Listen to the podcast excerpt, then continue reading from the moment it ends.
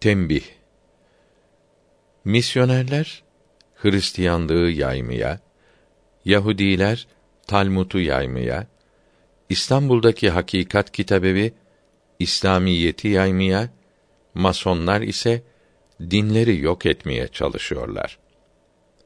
Aklı, ilmi ve insafı olan bunlardan doğrusunu izan, idrak eder, anlar, bunun yayılmasına yardım ederek bütün insanların dünyada ve ahirette saadete kavuşmalarına sebep olur.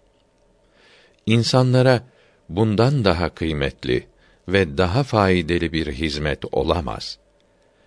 Bugün Hristiyanların ve Yahudilerin ellerindeki Tevrat ve İncil denilen din kitaplarının insanlar tarafından yazılmış olduklarını kendi adamları da söylüyor.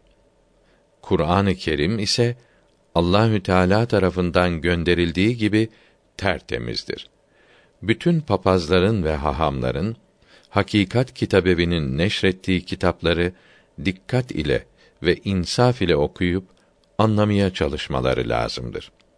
Hakikat Kitabevi'nin bütün kitapları bilgisayara verilmekte, buradan da internet vasıtasıyla bütün dünyadaki bilgisayarlara yayılmaktadır.